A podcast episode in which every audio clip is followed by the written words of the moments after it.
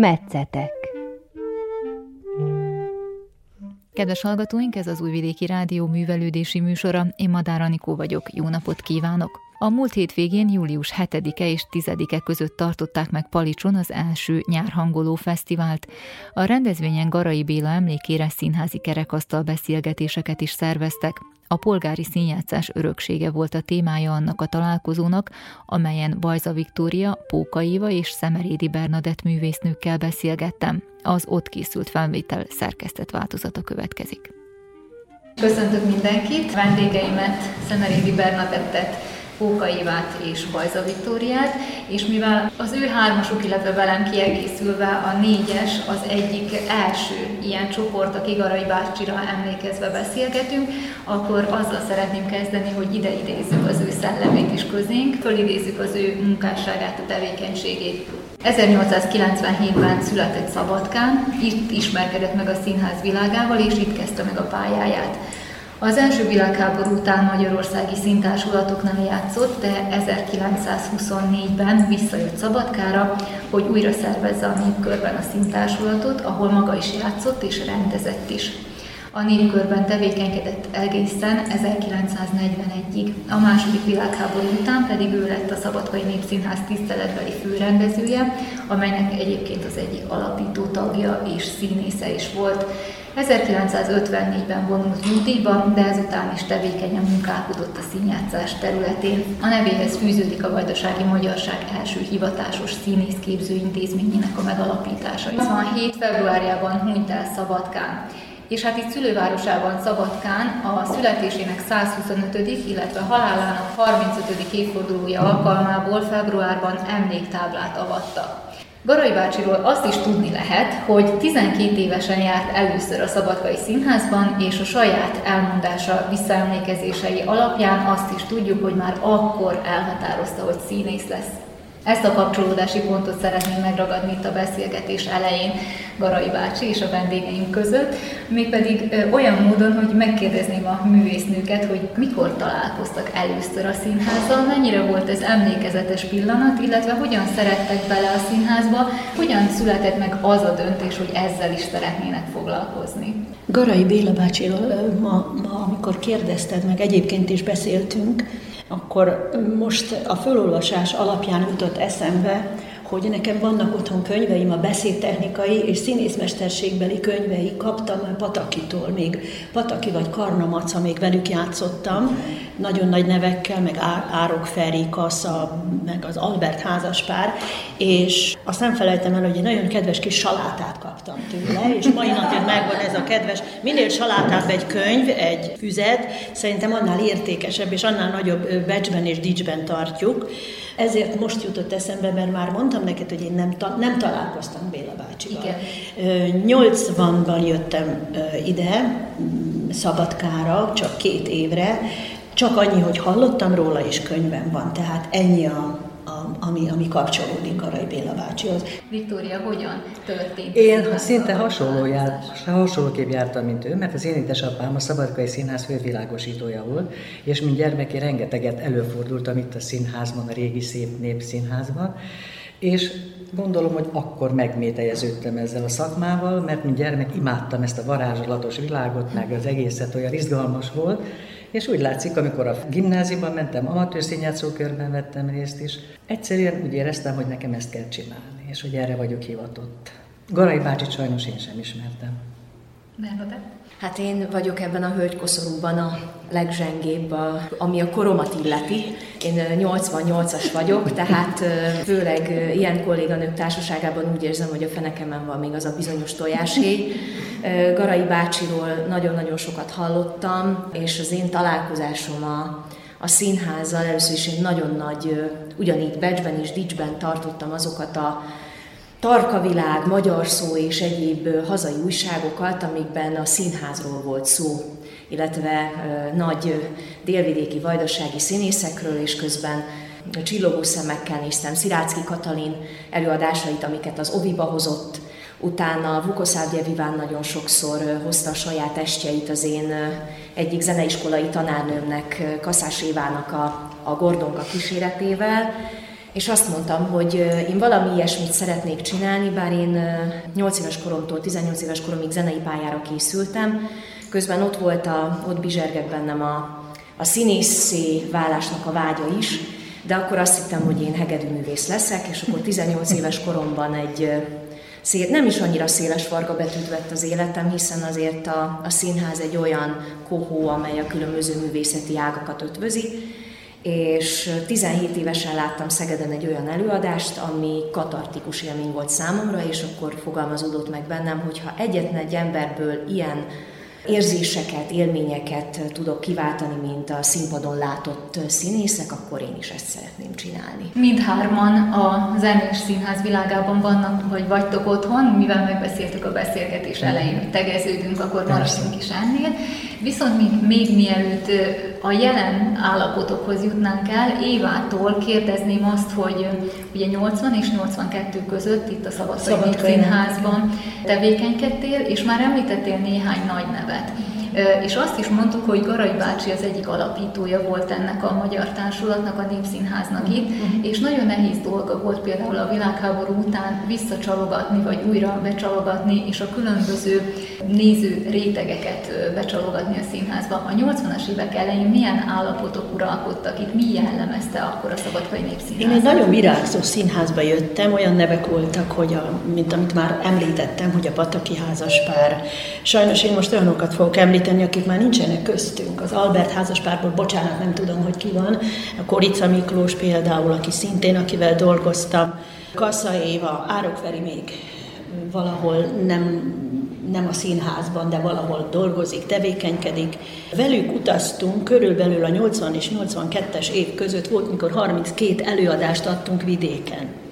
Ezek voltak a pajzán históriák és a Dundomárója, amivel én hát debütáltam és az volt a, a, az egyik legcsodálatosabb emlékem, ami ide fűz. Hát akkor jöttem 80-ban, végeztem, 80-ban rögtön jöttem ide a színházba, és az volt az első színdarab, majd a Pajzán históriák, Lola Blau, amivel szintén jártuk vajdaságot, de hát a szerelem beleszólt. Tehát ennek kapcsán csak annyi, hogy nagyon nagy nevekkel találkoztam, rengeteget dolgoztam a két év alatt, annyit, mint soha, és rengeteget tanultam tőlük, és ebből az utazó színházból, ebből lehet legtöbbet tanulni, mert ott vannak a legkegyetlenebb helyzetek. Nem a megszokott helyemen dolgozom, nem a megszokott színpadon, Semmi nem a megszokott, sokkal hidegebb van, porosabb, kisebb, nagyobb, magasabb, alacsonyabb, tehát semmi köze annak, ahol mi azt bepróbáltuk két-három-négy hónapon keresztül. Csak még egy mondat, hogy milyen szépen elmondtátok, hogy ó, hát én ott jártam a színházban, én is ott jártam, engem meg tiltottak, nekem titokba kellett tartanom, mert azt mondták a szülők, hogy bohóc nem leszel. Lehet, hogy szerepe volt ennek a tiltásnak is abban, hogy minden áron? Hát azért, azért voltak múltbéli pillanatok, azért belém ültette a bogarat a horvát Emma tanár. Oh. És akkor mondta, hogy jó, titokba akkor, titokba akkor mégiscsak el fogsz menni Budapestre. De, de én nem tudom, még sosem voltam Budapesten, nem vagy, fölteszünk a vonatra, és akkor majd, majd ott kiszállsz, nem tudom hol a, a keletibe, jó, és kiszálltam a keletibe, Jézus már sok sáv, ide sáv, ide, nem, nem kellett volna ide jönnöm, és végig az volt az érzésem, hogy nem, ide nem, nekem ez nem kell. És akkor két-három órán keresztül próbáltam eljutni a Vas utcába, ami hát olyan egyszerű, csak egyenesen kellett menni. Nagy nehezen eljutottam. És hát ott is nehéz körülmények között úgy éreztem, hogy ez, azt hiszem, ez nem az én világom. Aztán fölvettek, és de Azokban az időkben, amikor te itt a Szabadkai Népszínházban tevékenykedtél, akkor Viktória pedig az Újvidéki Színház társulatánál. Igen. Az Újvidéki Színház és a Szabadkai Színházi világ, kultúra, közönség, repertoár, az mennyiben különbözött? Hát másmilyen volt, gondolom, mert mi nem, annyit nem tájoltunk, tehát mentünk mi is az Újvidéki Színházba, de annyit, mint a Szabadkai Színház nem tájoltunk, de viszont nagyon szép előadások voltak. Akkor még a tribünön játszottunk, mert nem volt még színház, a Benakében még nem volt akkor az Újvidéki színházi. És hát fantasztikus Csehor előadások születtek, Haraggal dolgoztunk, aki egy csodálatos ember volt, mint rendező, és én például személy szerint olyan darabokat játszottam, mint a Strindberg Júlia kisasszonya, ami csodálatos, szintén a Zsigon, a Sztévo Zsigonnal egy nagyon-nagyon emblematikus ember volt, és az egész előadás nagyon sikeres volt, rengeteg díjat nyertünk vele, és akkor volt még a Varsói Melódia, azt is játszottuk, ott pedig egy Pesti, az én volt tanárom, Szittes Tamás rendezte, és azt is, azt is sokat játszottuk, úgyhogy rengeteg szép emlék fűz engem is Újvidékhez, és nagyon sok szép előadás.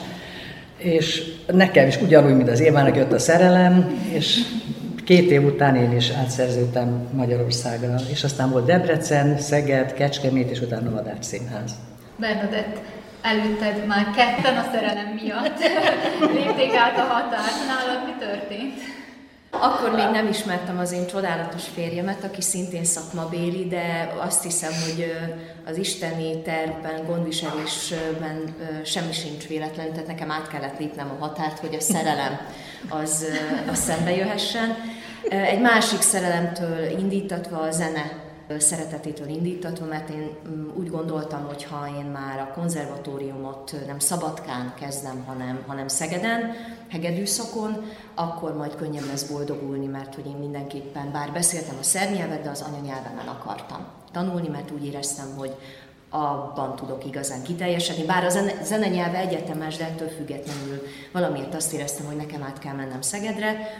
Aztán a Szegedi Nemzeti Színház stúdiójában voltam két évig, de akkor volt egy ilyen kenyértörés a stúdió és a Nemzeti Színház között, és rájöttem, hogy ha én valamikor is deszkán akarok állni, és nem laboratóriumi körülmények között tanulni, hallani, tapintani színházról színházat, akkor érdemes átmennem Budapestre de én is falusi kislány Pesten, tehát nagyon megrémültem, lerajzoltam magamnak az útvonalat, a 4-es 6 a nyugatitól, hogyan lehet a Vas utcába elkerülni.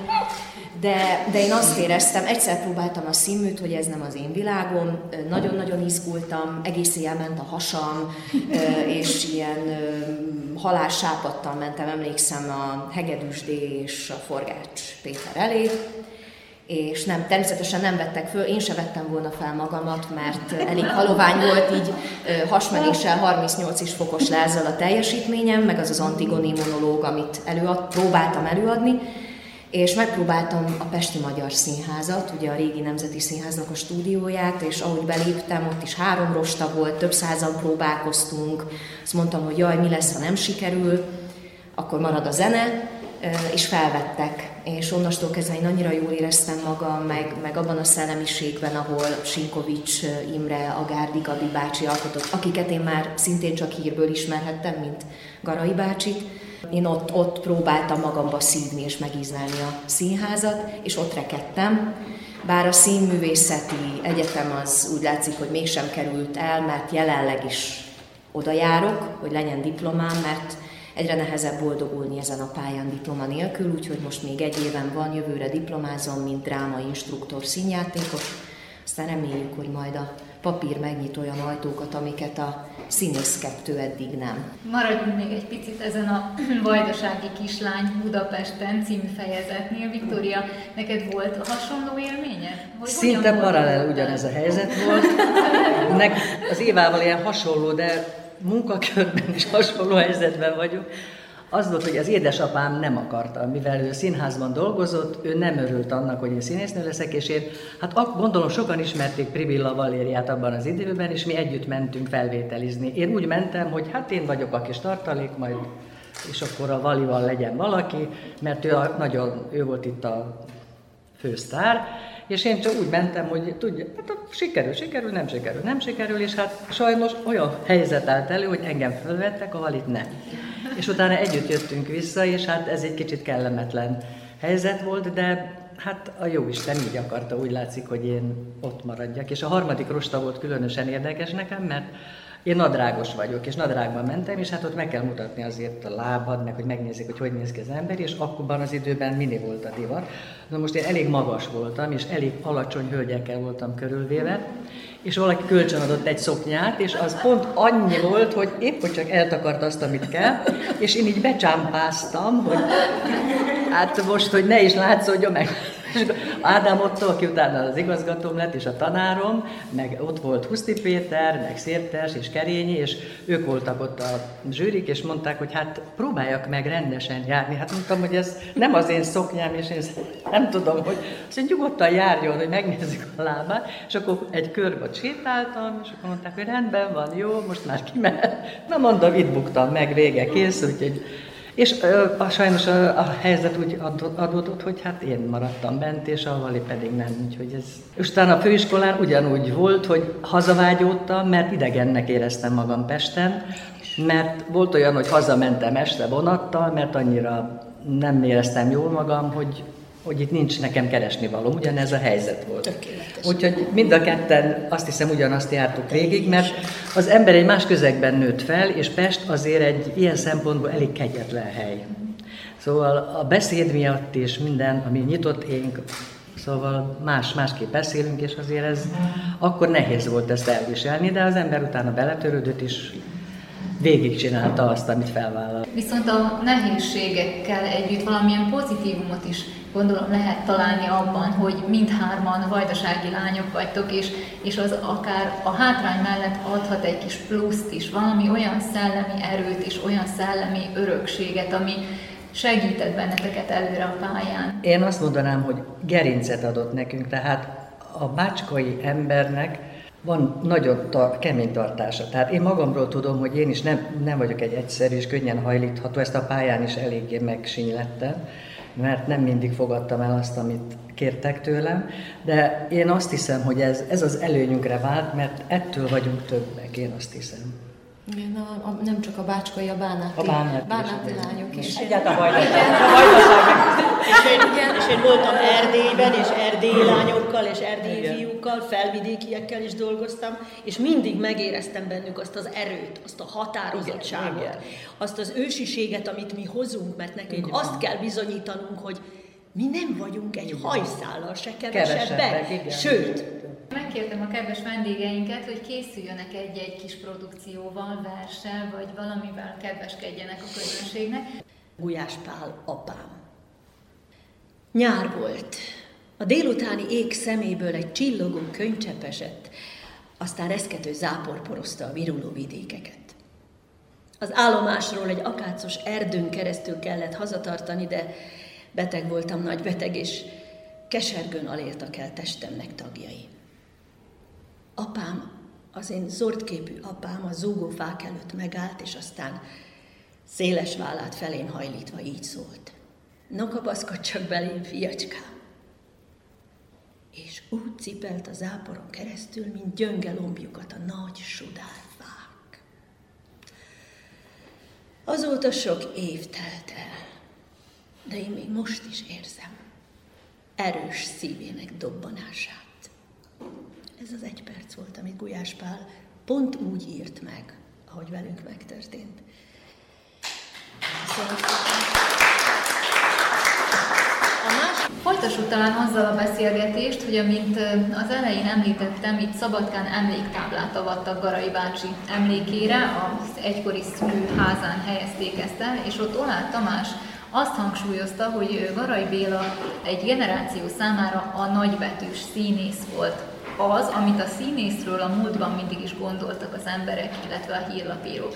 Na most hogyan látjátok azt, hogy mit jelent egy színésznek lenni, illetve a közönség és az embertársak szemében egy színész milyen volt annak idején, és mennyit változott ez mára? Milyen most egy idol? Ravasz fogós kérdés, én szerintem a színjátszás, mint olyan nem változott, mert a lényeg az, hogy az ember, amikor játszik a színpadon, katarzist okozzon a nézőnek, tehát hogy vigyen valamit haza abból, amit lát, és annál részemről annál nagyobb élmény nincs, mint amikor például egy musicalben, mert én most azokban játszom, ha eléneklem a memorit, és utána csend van, tehát az a legszebb, és utána vastaps. Ez a színésznek a legnagyobb dicséret szerintem, mert azt jelenti, hogy megfogtad a lelkét. És a színészetnek ez a lényege szerintem, hogy az embereknek hatni a lelkére, és hogy úgy menjen el, hogy kapott valamit a néző, szerintem. Na de most akkor, amikor a színész nem a színpadon van, akkor... De ezt hogy érted, hogy A magánéletben? A magánéletben. Hát akkor nem kell színészkedni, akkor embernek kell lenni, simán, egyszerűen. Én részemről is, én soha nem színészkedtem, mint magánember, a színpadon igen, de arra gondoltam, hogy Barai bácsi a mindennapjaiban is arra hívta fel a figyelmet, hogy szépen beszéljünk magyarul a színház ja, szeretetére. Uh-huh. Tehát mennyivel kell egy színésznek, hogy úgy fogalmazzak, különbnek lenni egy átlag embernek. én, hát én ezt mindig bajba kerülök, mert vannak ismerőseim, amikor beszélgetünk, hogy nem vagyok süket. No, te hülye, hát négy évig erre tanítottak, 40 éve csak hangosan beszélek, hogy a francba tudjak most halkan. Már megint hangosan beszélsz. Akkor ne beszélj velem. Most nem tudok mit csinálni, vagy a gyerekekkel, amikor tanítom, az az érzésem, hogy talán példamutatásként, ha én örökké hangosan és világosan beszélek a gyermekhez, vagyis a gyerekekhez tanítás közben, ők is automatikusan átveszik ezt a hangos és világos beszédet. Mindig úgy is kezdem, hogy akkor mutatkozzunk be, gyerekem. Én ez és ez vagyok, és te? Hát, motyogtál. Még egyszer, ötször, tízszer. Hogy hívnak? Ivan, én már kiabálok. Nem baj. És bárhova el fogsz menni, akkor azt fogják mondani, hogy á, az a kisgyerek, az mondta, rendesen mondta a nevét, a mondatokat is hallhatóan mondta, tehát nem motyogni. Igen. Valójában van, van, van, egy, van egy ilyen, hogy az életben is máshogy kezelik azokat az embereket, akik gátlásosan nem mernek megszólalni, és utána valószínű fölfigyelnek arra, hogyha valaki tök világosan és plastikusan beszél. Ennyiben talán a színész icipicit más. Gondolom én. Én még talán annyiban kapcsolódnék ehhez, hogy de én úgy látom, hogy nem, talán az én generáció még nem is annyira, de, de a, a soron következő generációk, legyen az akár színész vagy színházba járó, picit türelmetlenebb mindent, mindent gyorsan és, és hirtelen akarunk, és hogy, hogy valahogy talán, bár nem éltem abban a korban, de talán, hogy a régebbi idők színészei is hittek abban, hogy a jó munkához idő kell, az igazi értékálló, értékteremtő teljesítményhez idő kell, az, hogy valami megszülessen, tehát hogy, hogy mindennek megvolt a maga ideje, a maga ritmusa, és ma akár abból, hogyha egy messenger üzenetre nem jön két percen belül válasz, már teljesen kiborulunk. Tehát, hogy valahogy hogy az idő, mint, mint fogalom, mint, mint érték megváltozott. És, és akkor ne is beszéljünk a celebkultuszról. Tehát ma már a, a, a színész az szerintem nem ugyanazt jelenti, mint például az én gyermekkoromban, amikor a Magyar Szóban vagy a Tarkavilág címlapján, bár itt hála Istennek nálunk a Tarkavilág címlapján nagyon sokszor vannak színészek, meg van szó színházi előadásokról, kultúráról, de hogy, hogy emlékszem, hogy azt mondtam, hogy milyen jó dolog színésznek lenni, és hogy, hogy több oldalas interjú készül, és kíváncsiak arra, hogy honnan jött, hova tart, mit tett le az asztalra, és ma elnézést, de hogy, hogy egy valóságsóban megjelenünk, és motyogó, pössze, egyébként fantasztikus külcsínű a belbecsről és a tartalomról inkább ne beszéljünk, emberek állnak kamera elé, kerülnek reflektorfénybe, és színésznek vallják magukat. És esetleg megfosztják, most, hogy visszakapcsoljuk a zenés színházra, esetleg megfosztják a lehetőségektől azokat az embereket, akik hosszú évek munkájával talán jobb teljesítményt tudnának, de nem hozzák be úgy a közönséget. Szóval nekem ez nagyon nagy szívfájdalmam, és, és azt érzem, hogy nem biztos, hogy jó irányba tart, mondjuk ha most a zenés színházra reflektálok, tehát hogy ez, ez a fajta műsorpolitika.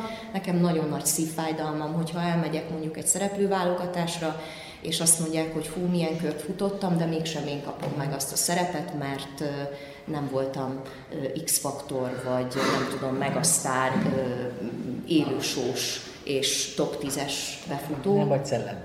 Igen, tehát hogy, hogy azt gondolom, hogy, hogy ez a mm, ez a mutató, ez elbillent, és nagyon remélem, hogy, hogy visszabillen, ha nem is abban a régi tartományba, de hogy egy picit visszább.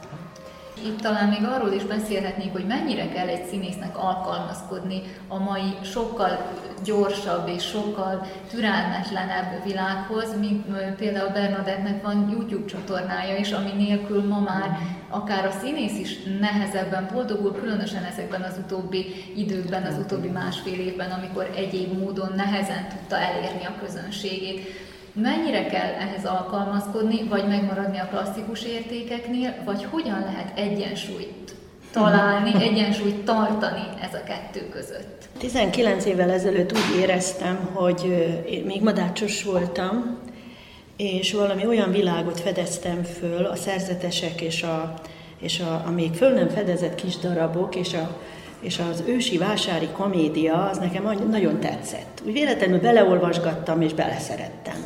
És akkor azt gondoltam magamba, hogy hát mi lenne, hogyha egy teljesen más világot próbálnánk behozni ebbe a, a musical világba? Mert hát tényleg mindig annak van sikere, ami musical, ami zenés, utánozzuk a Rómeus Júliát, kék színű, piros színű családok, her, és mindent, és mondtam, hogy mi lenne, ha magyar darabokat, a föl nem fedezetteket egy kicsinkét előtérbe hoznánk, és Utána olvastam az 1790-es Kelemen Társulatnak a színjátszói, az életük, hogyan dolgoztak, miket találtak ki, milyen színdarabokat írtak a Kolozsvári Színházzal párhuzamosan, és ezeket a darabokat próbáltam, a Szekér Színház, amit én kitaláltam, hogy legyen most egy ilyen nagyon inkább ilyen, ilyen komédia dell'arte és, és ilyen új világ, nagyon nehéz ma kitalálni egy olyan színházat és utaztatni az országban, vagy országon kívül, amit még nem fedeztek föl. Hát,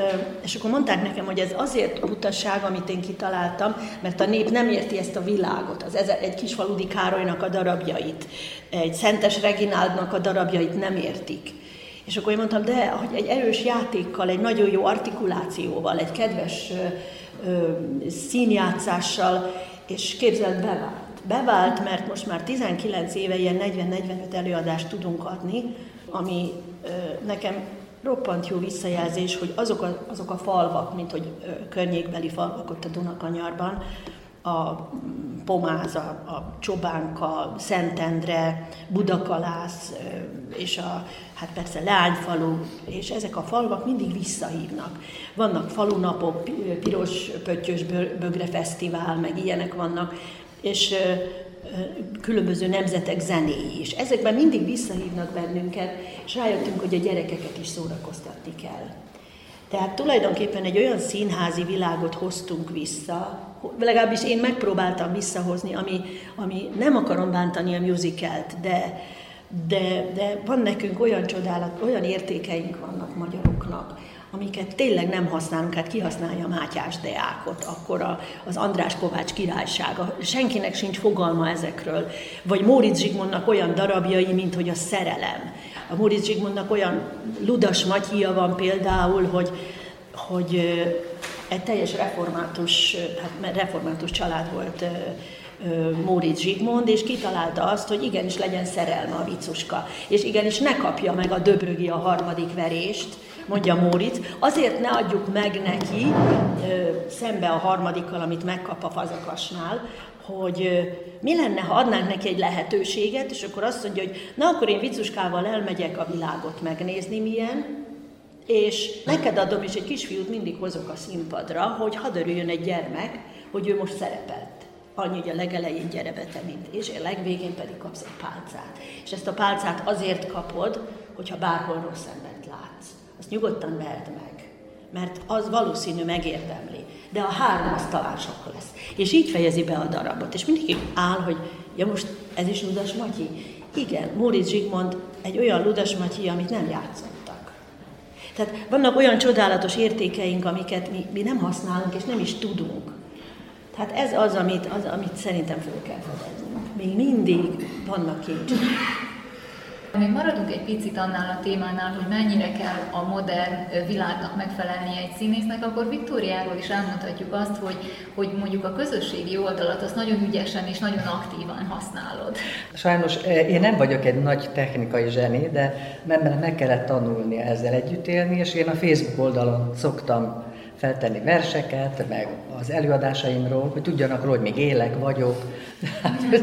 Olyan YouTube csatornám, mint Bernadettnek nincs, mert ehhez már én nem vagyok, meg valahogy nem is nem, nem tudom, nem, nem vágyódom erre, de az ő generációnak ez normális, tehát ők ezt természetesen csinálják, nekem ezt külön meg kéne tanulni, lehet, hogy egyszer még elveszem magam, és én is csinálok egy ilyen oldalt, de szeretem jelezni azt, hogy most milyen előadásom van, hogy tudják, hogy itt vagyok, meg vagyok. Most például fantasztikus jubileum lesz megint novemberben, mert a 900. Fantom előadást adjuk elő. Én nekem ilyen csúcs előadásaim vannak, 1500 macska, 900 Fantom, 600 Mary Poppins, 290 Dr. Herz, Isten pénze 300, Márius a varázsló 150, szóval azért ezek olyan, ezzel azért vagyok büszke, mert nem jellemző azért, hogy ilyen előadásokban részt vegyen. Jó, tudom, musical, tudom, nem mindenki szereti, de szerintem az Operaház Fantomi egy klasszikus opera, nem is musical, mert fantasztikus hangokat, tehát opera énekesekkel dolgozunk együtt, tehát az embernek egy ilyen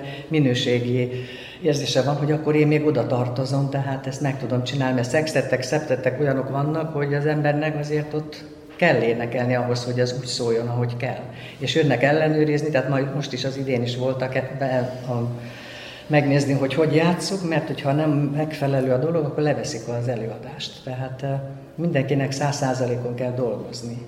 Ha már a YouTube csatornádat említettük, ezt valószínűnek tartom, föltételezem, de javíts ki, ha nem így van, hogy ezt az utóbbi néhány év, ez a, ez a válságos időszak hozta létre számodra. Hogyan használod ki ezt a lehetőséget, illetve mi az, amit ott megosztasz a közönséggel?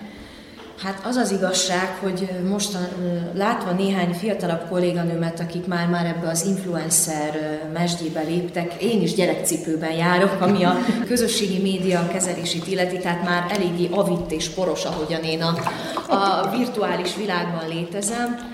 Egyrészt, mert nem, nem szeretek mindenféle tartalmat megosztani, tehát próbálom kivéve a karantén, de erről is mindjárt beszélek, tehát próbálok valami olyat, ami számomra már az elfogadható kategóriában mozog. A YouTube csatornám az még korábbi, volt egy időszakom, amikor nem nagyon volt munkám, és akkor a saját örömömre, szórakoztatásomra és fejlődésemre keresgéltem olyan zenés ópuszokat, amikben fejlődhetek, vagy szerepálmaim, hogy nem baj, hogyha benne van a repertoáromban, és akkor az akkori énektanárnőmnek volt egy ilyen házi kis sufni stúdiója, és akkor azokat föl is vettük, amikor már úgy éreztük, hogy ott tart, akár lelki állapotban, vagy énektechnikailag, és akkor ezeket úgy, úgy bizonyos időközönként felpakoltam a YouTube-ra, Viszont amikor beütött a karantén, a férjem pontosan tudja, hogy már három napja voltam Mackó nadrágban otthon, és azt mondtam, hogy színésznő vagyok, ez így nem, nem mehet tovább és épp költözésben voltunk, és pakolgattam a könyveket, és Romhányi Józsefnek a rímkuckója, rímkuckója, Romhányi Józsefnek a szamárfüle került elém, és akkor jött a rímkuckó ötlete, hogy a, a karantén alatt egy ilyen kis élő online bejelentkezéssel szórakoztassam magamat is, meg talán azokat, akik a, a Facebook felületére tévednek, és akkor fél tízkor volt a gyerekeknek, meg a nagymamáknak, anyukáknak, akik a gyerekekre vigyáznak és fellélegezhetnek talán fél órára, voltak ezek a kis zenés verses gyerekműsorok, és este pedig a napi lélekmorzsa, ott pedig megpróbáltam versekkel, dalokkal egy picit a felnőtt karantén miatt unatkozó Facebook társadalmat egy picit felpesdíteni, meg hát magamat is, mert, mert azért előadások nem voltak, és nem tudtuk, hogy meddig tart ez az állapot, és egészen szép kört futott a Rímkuckóból 100 plusz egy adás volt, a napi lélekmorzsákból meg talán 89, és, és ezzel így szépen túléltem a pandémiát. A férjem már kevésbé, mert szegénynek ilyenkor szövőlepkeként kellett közlekedni a lakásban, mert hogy én élőzöm, meg hát ugye folyamatosan felkészülni, tematikailag csoportosítani, hogy akkor ez a műsor erről szól, akkor azt kitalálni, akkor új verseket keresgélni, tehát hogy azt, azt hiszem, hogy nagyon sokat adott hozzám lelkileg is, meg szakmailag is ez az időszak, amitől nagyon féltem, amikor emlékszem közölték, hogy nem lehet előadást játszani, nem tudni meddig. Ez az időszak még a sokat tapasztalt színészek számára is olyan váratlan helyzet volt, amiben korább, amit korábban nem tapasztaltak. Ti hogyan találtátok föl magatokat, vagy hogyan vészeltétek át, mivel szórakoztattátok magatokat, vagy a közönséget ez idő alatt? Én nagyon bátran próbáltam az új színházban, és azt mondtam, hogy én úgysem kapom el 2020 tavaszán, 2020 őszén nagyon rosszul lettem, és akkor jött a mentő, és aki azt mondtam, hogy engem úgy sem, hát igen, két hétig ment voltam a kórházban, nagyon nehéz két hét volt, hát nem raktak lélegeztetőgépre, aztán még fél év, sőt nyolc hónapig gyógyultam, nagyon nehéz volt. Szóval aki azt mondja, hogy ez nem létezik, de létezik, sajnos létezik. Elmúlt egy év, és nem történt semmi, mert nem történhetett semmi, és akkor online előadásokat készítettünk Armanddal. Kautsky Armandot fölhívtam, mondom, ne félj tőlem, fertőző már nem vagyok, úgyhogy, és így a Dunakanyart csináltuk, mert évfordulója volt Karinti Cininek, és Karinti Vera megengedte, hogy online előadásokat készítsünk, és így jártuk a Dunakanyart az online Dunakanyar elő, című darabbal. Tehát ott is dolgoztunk, csináltunk gyermekelőadásokat szintén online, vegetáltunk másfél évig, és úgy érzem, hogy fél évvel ezelőtt, tehát tavasszal, már, már teljes mértékben tudtam a saját színházamat menedzselni, vinni, most pályázatokat nyerünk, újra indul ez a Köszönjük, pontosabban már vége van a Köszönjük Magyarországon egy ilyen pályázat, ami nagyon ideális, nagyon korrekt, ad egy jó nagy mennyiségű pénzt, hogy 7-8-10 előadást szervezzünk meg, és ennek hát mondjuk nagyon örülünk, mert valójában a falvak is örülnek, mert kapnak ingyen 7-8-10 előadást én azért koncentrálok oda, mert nem kell sokat utazni, és, és azért nagyon számít, hogy az ember fölépített 30-20 év alatt egy, egy szervezői ismerettséget, és akkor azon belül jól tud mozogni. Most a újabb pályázat, hál' Istennek a, a bukovinai darab, a egy asszonka, két asszonka védkecskéje, nagyon kedves bukovinai zene, mert van védkecskénk. Nagyon édes, nagyon... én láttam, nagyon édes. és egy profi zenekart raktunk bele, bukovinai táncok, énekek, és ezzel most eh, járjuk a... Aztán a másik pályázat szintén, ami mentett bennünket, ez a, ez a Nemzeti Kulturális Alap, és itt voltunk Vajdaságban, Erdélyben vittük a, a trianoni történetünket, az utolsó garabonciást. Szóval úgy, úgy kezdünk, úgy érzem, de még nem tartunk ott, ahol a Covid előtt. Hát nekem a Covid előtt egy nagyon érdekes találkozásom volt a vallással, mert felkértek arra, többünket is a Madár Színházból, hogy a különböző vallási felekezet evangélikus, református és a katolikus egyház legszebb imáit olvasuk fel, és hogy az embereknek adni egy kis hitet, hogy a lelküket segíteni ezzel is. És ez nekem egy csodálatos, nemes feladat volt, és hálás vagyok, hogy benne lehettem, mert nagyon, nagyon szép anyag, fent van a Youtube-on, lehet hallgatni, és hál' Isten nagyon sokan hallgatják is, és utána pedig megtalált egy másik, ilyen, ugyanilyen vallási tartalmú a dramatizált Bibliát. Megcsináljuk a Bibliát dramatizálva, mert Éva is részt vett, azt hiszem. Igen. És ez nagyon jó, ez szintén a fiataloknak. Tehát, hogy a Bibliát, mint színdarabot szinte előadjuk, tehát minden karaktert megjelenítünk, és a gyerekeket megpróbáljuk ezzel kicsikét arra terelni, hogy az olvassák a Bibliát, tehát, hogy tetszen nekik, és hogy az ő nyelvükön egy picikét megközelíteni őket. És ez nagyon szép, és én nagyon örülök, hogy ezt csinálhatom. Én most felolvasnám a, csak egy részletet a Pálapostól korintusi leveléből, mert ez szintén kötődik ehhez, amit most mondtam. Ha emberek vagy angyalok nyelvén szólok is, szeretet pedig nincs bennem, olyanná lettem, mint a zengő érc vagy a pengő cimbalom. A szeretet türelmes, jóságos. A szeretet nem irigykedik. A szeretet nem kérkedik, nem fovalkodik fel. Nem viselkedik bántóan, nem keresi a maga hasznát, nem gerjed haragra, nem rója fel a rosszat. Nem örül a hamisságnak, de együtt örül az igazsággal. Mindent elfedez, mindent hisz, mindent remél, mindent eltűr. A szeretet soha el nem múlik. Most azért megmarad a hit, a remény, a szeretet, e három. Ezek közül pedig legnagyobb a szeretet.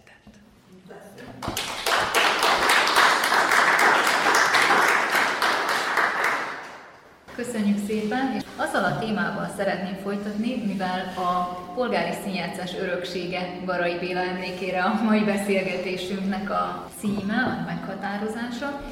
A magyar színjátszással kapcsolatban a mai napig egy élő vita az, hogy mi az, ami már ami már maradi, ami kispolgári, és mi az, ami előremutató, mi az, ami újdonság. Sok mindent felsoroltatok, olyan dolgokat, ami azt mutatja, hogy a színész folyamatosan keresi azt, hogy mi az újdonság, hogy mi az, ami még nem volt Lehet-e még ilyet találni? Erről talán a közönség egy véleményen van, a szakma egy másikon, de ha ezt a mai világban átgondoljuk, akkor mi az szerintetek, ami, ami már maradi, vagy ami előremutató? És hogyan lehet egyensúlyban tartani ezt? Kíváncsiságból beiratkoztam a Károly Gáspár Egyetemre, hogy megnézzem, hogy mi az, amit még nem tudok, mert nagyon sok mindent, minél többet tudunk, annál jobban látjuk, hogy mi mindent nem tudunk. És én egyre kétség, jobban kétségbe estem, hogy Jesztus Mária mennyivel többet kéne tudnom. Ö, ott tanítottak ö, olyan előadásokat a a tanáraink két éves, tehát egy, egy, csak egy ilyen levelező szakra iratkoztam színház történetre, elkezdtük az őskortól a világ összes színházát, továbbra is maradtam, hogy szeretem az ősi vásári magyar vígjátékokat, ez, ez lett a, a diplomamunkám is. Aztán kaptunk olyan előadásosokat, akár a Salzburgi vagy bármelyik németországi előadásokról, amik nekem roppantul nem tetszettek. De végig az volt az érzésem, hogy örülök, hogy ide jöttem, örülök, hogy volt egy, egy sugallat, hogy neked még, még azért, azért van mit tanulni, és mindenkinek ajánlom, és megint egy iskolába szeretnék beiratkozni. És rájöttem arra, hogy a világnak fejlődnie kell, a színháznak szintén fejlődnie kell. Az, hogy nekem nem tetszik az az előadás, amikor úcsárolják Jézust, amikor kakilnak a színpadon, bocsássatok meg, mert ilyen is van. Valami szörnyű ordinári színházakat kellett néznünk, arról véleményeket írni, de rájöttem arra, hogy a világ tényleg változik, gyorsul ízlések és pofonok változnak. Az, hogy például a gyerekbe jön, és azt, hogy Éva néni rosszul tudtad a Romeus Júliát, mert azok nem a kriptában leszúrja meg, megissza a mérget, hanem fölakasszák egymást. Persze, mert úgy látta az előadást az operett színházban, tehát átírták. Néztem egy olyan hamletet, egy 20.-30. hamletet életemben, ahol a fenekét kidugta, és úgy jelezte, hogy itt vagyok. Ahol szerelmes volt az édesanyjába, és, és szerelmi kapcsolatot folytatott az orrom előtt, és végig ültem, és, és a fiatalok láttam a nézők között, hogy nagyon élvezik. Én legszívesebben fölálltam volna, és kijövök, mert kikérem magamnak, és örültem minden olyan mondatnak, ami eredeti Shakespeare volt, hogy Istenem, de szépen megírta, miért kellett ezt átírni. Nem tudok mit csinálni, nem tudunk mit csinálni. Az, az, az egész világ változik. És igenis van egy réteg, aki ezt nagyon szereti nem tudunk más csinálni. Hát olyan Salzburgi előadásokat is pendrive-on kaptunk a tanárainktól, hogy azt mondom, hogy én ezt én nem bírom, tanár úr, szörnyű.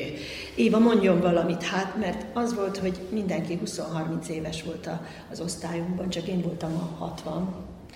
És akkor olyan, olyan furcsán éreztem magam, hogy mondom, én vagyok az egyik ilyen, amelyik, amelyik nem egyezik veletek, és majdnem, majd, majdnem ez volt, súrolta az, hogy hát nekem nem nagyon tetszett, de sokat tanultam, és hát nem fog megtetszeni, de egy kicsit átbillentem, hogy van ilyen is, kell ilyen is, és nincs mese. Az, hogy nekem az nem tetszik, mindenkinek szíve joga.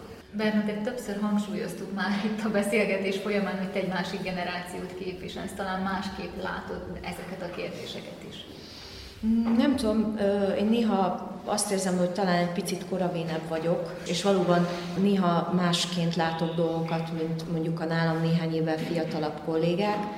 Valóban a színháznak most egy nagyon, a celekultuszt már említettem, de azt gondolom, hogy egy másik nehézséggel is szembe kell nézni, ez pedig a filmtechnikának a fejlődése, a vágástechnika, a, a különböző kulisszatitkok, azok a, azok a speciális effektek, amikkel a film operál, a CGI, ugye a digitális technika, és azt kell mondanunk, hogy a, a, az inger küszöbe a nézőnek, aki ezek, e, ezen a a 21. századi filmes kultúrán cseperedik, vagy ezt tissza magába, ezt látja a moziban, ezt látja a tévében, annak elvárásai vannak, ha mondjuk betéved a színházba, és ugye azt, azt érzem, hogy nagyon sokszor a színház küzd ezzel, hogy, hogy speciális effektek, fénytechnika, vetítés, tehát a színház is kísérletezik a, azzal, hogy, hogy ezt, a, ezt az inger küszöböt, ami megnövekedett, ezt, ezt elérje vagy átlépje.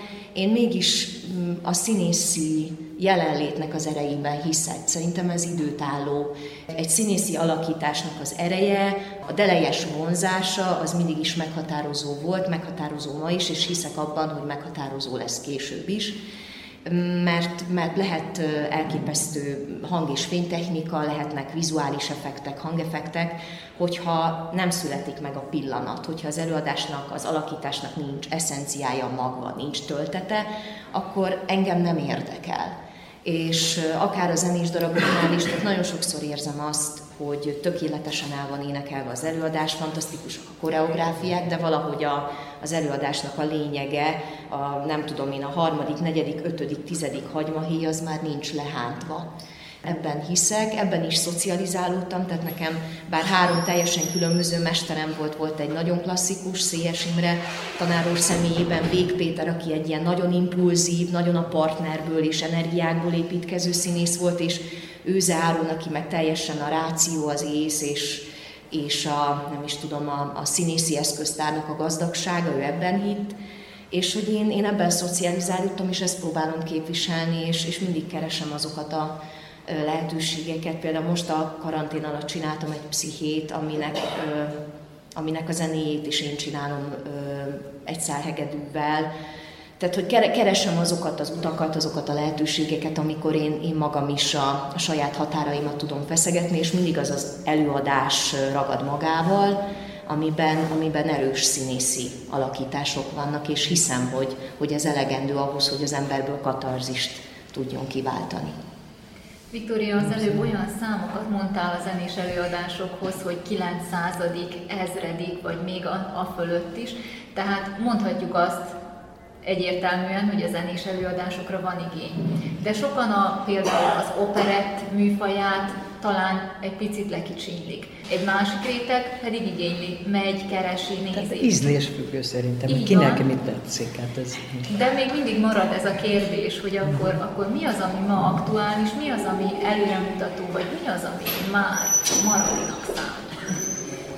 Van ez egyéntől függ. Szerintem nincs ilyen, mert mindenki a saját ízlése szerint azt nézi meg, amit szeret, tehát én nem erőszakolhatom valakit arra, hogy most te nézd meg a musicalt, egyszer nem szereti a prózai darabot szereti. Tehát mindenkinek ki kell választani azt, hogy mit szeret, és azt szerint kell színházba menni, én úgy érzem. Viszont a polgári színjátszás kapcsán elmondhatjuk azt is, hogy hogy a színház nevelő szerepet próbált betölteni. Volt olyan idő, amikor a, a szórakoztatás, a gyönyörködtetés az picit inkább háttérbe szorult, és a nevelés pedig előtérbe került. Hogyan látjátok azt, hogy a színháznak mi a szerepe? A nevelés, a gyönyörködtetés, e mind a kettő, vagy egészen más? illetve hogy ki kell szolgálnia a közönség igényeit, vagy pedig alakítania kell az igényeit. Az jutott eszembe, hogy most én is elkezdtem foglalkozni gyermekdarabokkal. És valaki azt ajánlotta nekem, hogy tudod mit, akkor lesz nagyon sok néződ és nagyon sok előadásod, ha olyan színdarabokat dolgozol föl, amelyik a gyerekeknek a, a házi olvasmány. És belegondoltam, hogy ez tulajdonképpen jó ötlet, mert a gyermekek nem eléggé szeretnek olvasni. Zanzásító darabokat kell a gyerekeknek, 20-30 oldalban le kell írni az egri csillagokat, meg 20-30 oldalban a, a jókai kőszívű, hogy hát ha azt elolvassák. Ezt azért nem tartom jónak ezt a zanzásítottat, amit most úgy kitaláltak, hogy hogy a gyermeknek nincs meg az agyában az a csodálatos, aprólékos film. Mert amikor olvasunk, akkor a gyermek agyában is, meg a mi agyunkban is mindig van egy gyönyörű kép, egy film. Hát és, a fantáziáját És tulajdonképpen, ha ezt is, ezt is lerövidítjük és meggyorsítjuk, mert mindig az a cél, ugye gyors, gyors, gyors, gyors a világ, a gyereknek sincs ideje, én még mindig azt mondom a a, a szülőknek, akiket, akik gyermekei tanítom, hogy üljenek le, olvassanak el 3-4-5 oldalt, a gyerek újabb 3-4-5 oldalt, és akkor tényleg csináljunk egy olyat, hogy, hogy színházi előadás, amitől a gyermek kap egy, egy, egy löketet, kap egy kedvet, hogy mégis hazamegyek és el fogom olvasni. Tehát úgy érzem, hogy akkor tényleg maradjunk még, még ennél, késleltessük azt, hogy, hogy adunk neki tíz mondatot egy, egy színdarabról. Vagy, vagy most az is jutott eszembe, hogy a Csukás István, most elkészítettük a Csukás István ágacskáját. És ezt a színdarabot annyira kicsik is kezdik nézni, hogy megijedtem. És pontosan megértették a végén, mert meginterjú őket, hogy mit értettetek ebből. Mert a végén Csukás István azt írja, hogy az ember mégiscsak jó és a gyerekek tökéletesen értettek minden szót, hogy az ember mégiscsak jó. Akkor a, a földön járó csillagokban szintén Csukás István, aki a végén megint csak azt, azt mutatja a gyerekeknek, hogy az ember jó, gyerekek, gyertek színházba és most oda jutottunk, hogy a gyerekek nem 50-70 nézőközönségünk van, hanem 100-110. A nevelő és szórakoztató szándék, illetve cél mellett a kiszolgáló vagy formáló páros is fölmerül bennem, mint kérdés. Erről mit gondoltok, hogy kiszolgálni kell, vagy ízlésformáló feladatot vállalni a színháznak, a színésznek? Ez hát szórakoztatni kell, szerintem kiszolgálni, ízlésformálni mindegyik. Szerintem Minden. az összes benne van a, magában a színjátszásban, mert hát attól függ, hogy milyen darabot készít elő az illető, milyen célral, és akkor ezt ugyanúgy formálják, ahogy ezt ők megtervezték. Szerintem ez Mind benne van a dologban. Bernadett, akkor kérlek, add elő nekünk azt, amivel készültél. Én imádom a, a, a sanzonok kuplék világát és ezt a, ezt a korszakot, és van egy különösen kedves dal számomra, ami Érdekes, hogy én a repertoáromban sokkal több a májbaj, tehát vagy a májbajos, vagy nagyon kemény vonalas és karakán női karakterek vannak, tehát valahogy én ezekben a szélsőségekben hiszek. Úgyhogy ez, ez egy picit inkább a májbajos vonal felé mozdul, de remélem, hogy elnézik nekem, hogyha, hogyha így a, a kedélyeket lelombozom. Szomorú vasárnap száz fehér virággal Vártalak kedvesen templomi imával. Álmokat kergető vasárnap délelőtt, bánatom hintaja nélkület visszajött. Azóta szomorú mindig a vasárnap, Könny csak az italom, kenyerem a bár.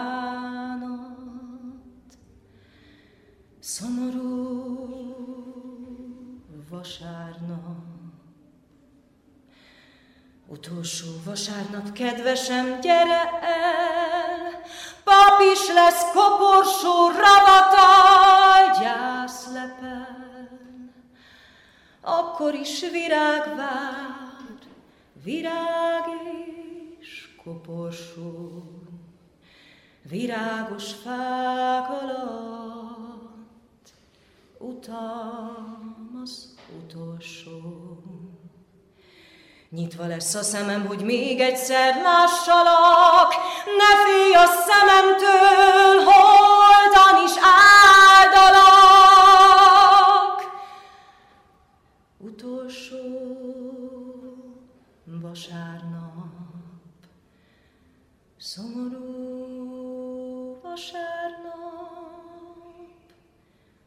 Szomorú vasárnap.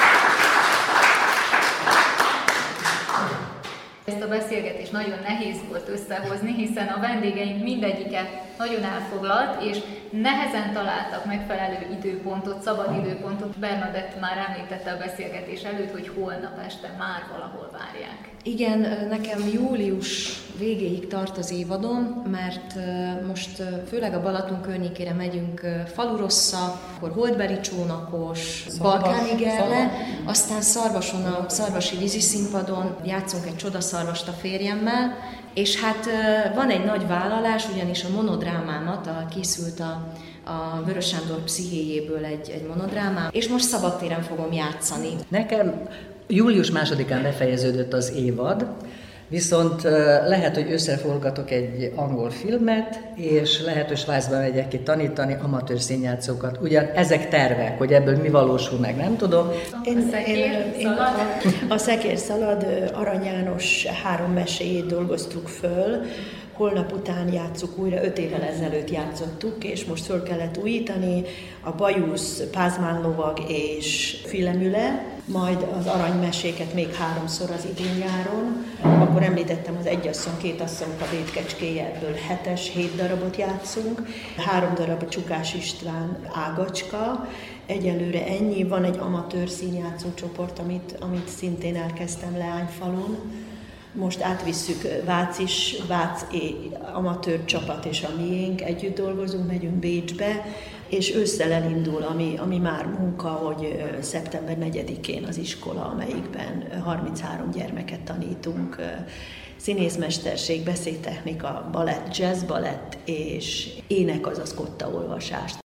Bajza Viktória, Póka Éva és Szemerédi Bernadett művésznőkkel a Palicsi Nyárhangoló Fesztiválon beszélgettem, a kerekasztal témája a polgári színjátszás öröksége volt.